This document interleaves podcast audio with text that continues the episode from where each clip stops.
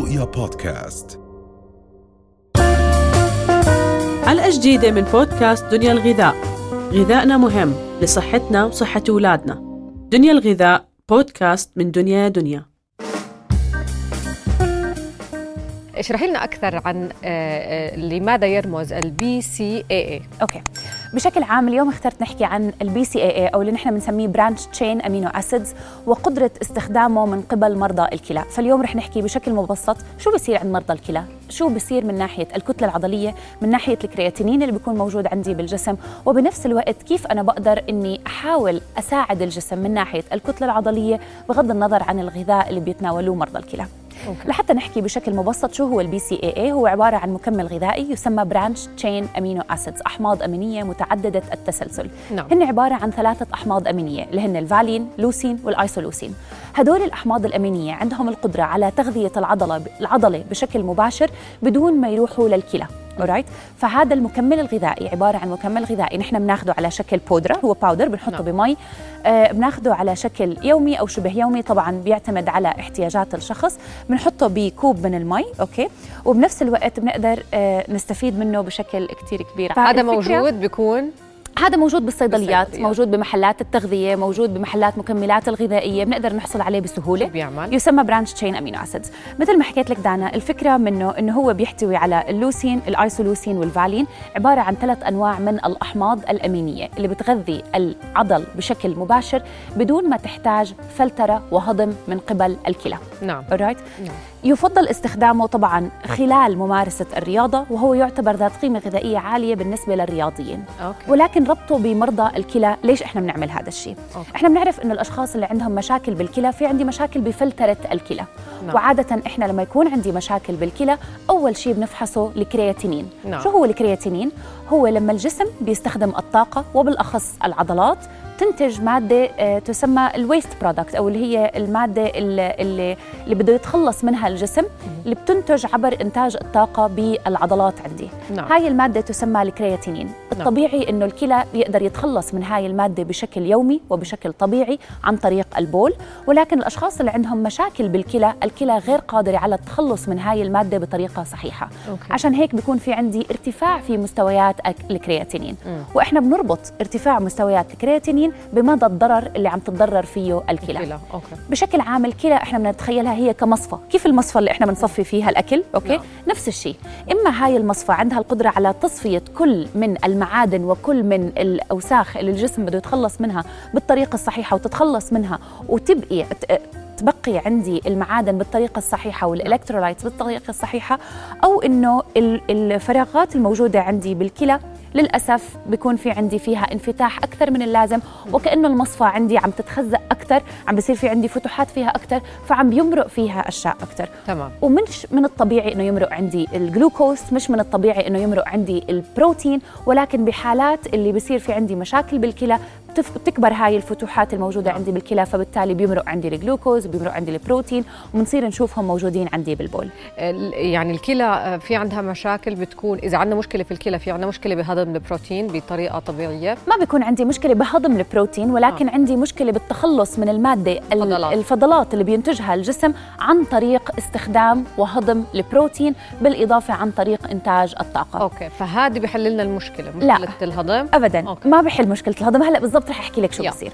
الشخص بيكون عنده مشكلة بالكلى أوكي؟ أول شيء بننصحه فيه إنه يبتعد عن أخذ كميات كبيرة من البروتين بالضبط. اللي بدورها بترفع مستوى الكرياتينين عندي بالجسم. نعم. فبالتالي الشخص بصير يقلل من استهلاكه بالأخص للحوم الحمراء بعدين بصير يقلل استهلاكه أكثر للدجاج وبصير يقلل استهلاكه أكثر للأسماك وطبعا بيبعد عن البقوليات. أوكي. بحيث إنه كل هاي الأغذية اولا بتعطيني مستويات عالية من البروتين اللي بتعود بضغط أكبر على الكلى لفلترة هاي البروتينات.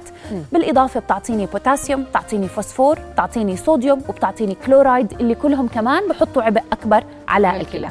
فعادة بحالات مشاكل الكلى إحنا بنعكس كل الأمور التغذوية. ننتقل من الحبوب الكاملة إلى الحبوب المقشورة لأنه الحبوب الكاملة بتعطيني مستوى عالي من الفوسفو من البوتاسيوم فإحنا بنبتعد عنها. نبتعد عن الخضروات والفواكه اللي بتعطيني مستوى بوتاسيوم عالي لحتى ما أحط عبء أكبر على الكلى. آه. نبتعد عن اللحوم اللي بتعطيني مستوى من الفوسفور عالي بالإضافة للبيض والألبان والاجبان ومشتقاتها كلها بتعطيني فوسفور. بالإضافة إنه نحن بنبتعد عن كل الأغذية الملونة بشكل كبير مثل الخضار الورقية الداكنة الفواكه اللي فيها ألوان عالية لأنها كلها بتعطيني مستوى عالي من الفوسفور من البوتاسيوم ومن الكلورايد اللي بحط عبء على الكلى.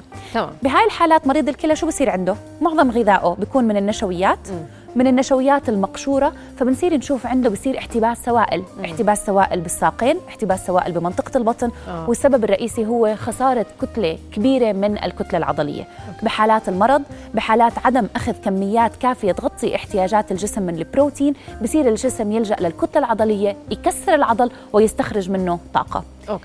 هون أنا بصير بين مشكلتين إنه اولا عندي مشاكل بالكلى ما بدي أضررها أكثر فأنا ما بقدر آخذ بروتين عالي ومشكلة أخرى اللي هي عندي كتلة عضلية كبيرة عم بفقدها بالجسم وبالتالي عم بأدي إلى خسارة بكثافة الكتلة العضلية عندي بالجسم. نعم.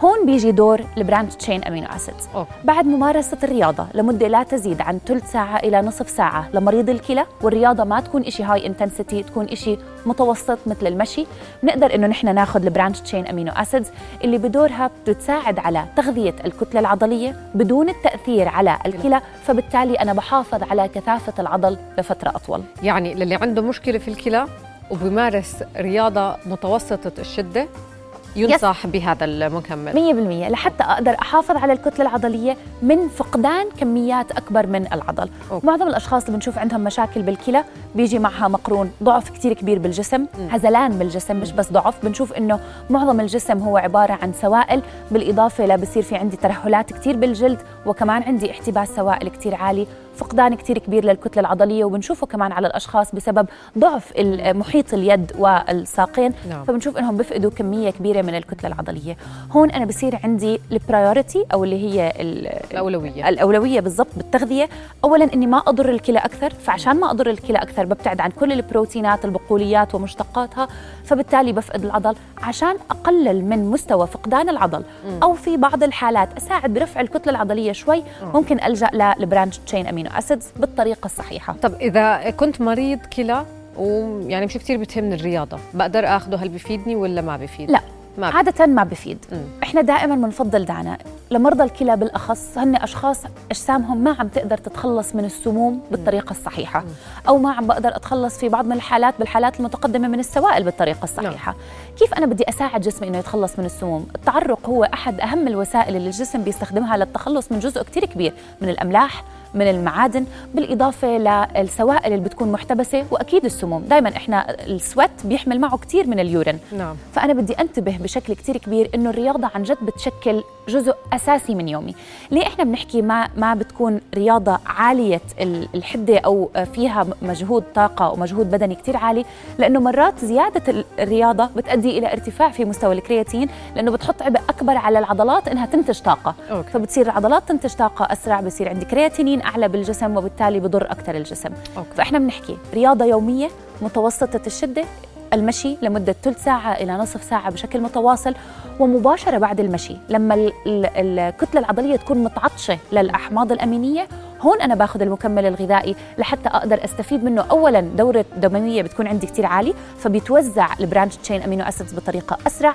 ثانيا العضلة نفسها بتكون متعطشة للأحماض الأمينية وللتغذية الصحيحة فبروح بغذيها بالطريقة الصحيحة لحتى تقدر تنمو أو على الأقل تحافظ على كثافتها نعم. في أعمار معينة مثلا إذا خلينا نحكي عنده آه، شخص عنده مشاكل في الكلى وكبير في السن آه، أو مش بعمر الأمراض المتعودين عليها بيكون شباب يعني بيفضل اخذه بعمر معين أو لعمر معين أوكي هلأ بصراحة إحنا ما بنقدر نعمم م. على كل مرضى الكلى لأنه مرضى الكلى تعتبر من أحد آه، أكثر ال cases اللي بيكون في عندي فيها اختلافات بسيطة أوه. وهاي الاختلافات بتأثر بشكل كثير كبير على صحة الإنسان م. فإحنا ما بنقدر نعمم نحكي من هذا العمر لهذا العمر بيقدر ياخذه ولكن دائما أنا بحكي استشارة الطبيب يعتبر أساس أوكي. بعد استشارة الطبيب عن جد ضروري جدا لمريض الكلى يتابع مع أخصائي تغذية يعطيه الغذاء الصحيح. لأنه عن جد ممكن 90% من إنه نحن نحد من تقدم المرض أو إنه يتقدم المرض بطريقة كثير سريعة ويوصل إلى غسيل الكلى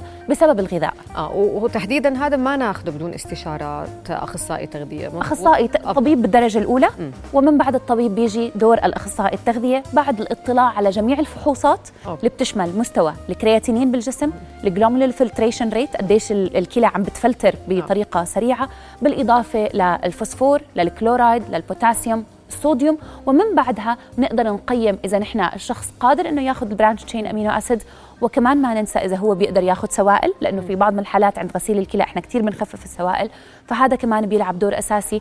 وثالثا والأهم إنه نحن ندرس الحالة الصحية تبعت الجسم دانا. أنا دائما بشوف إنه إحنا لما نحكي نشوف الشخص إحنا بنقدر نقيم حالته أكثر بكثير من بس أنا أسمع عن الحالة. صحيح. فدائما الحالة الأعراض اللي الجسم بيعطيها بيعطيني دليل كثير كبير مدى قدرة الشخص على البدء بالمكمل أو إنه نحن ننزل نعم. بدء فيه. شكرا لك. معلومة جديدة آه، راند يعطيك ألف عافية.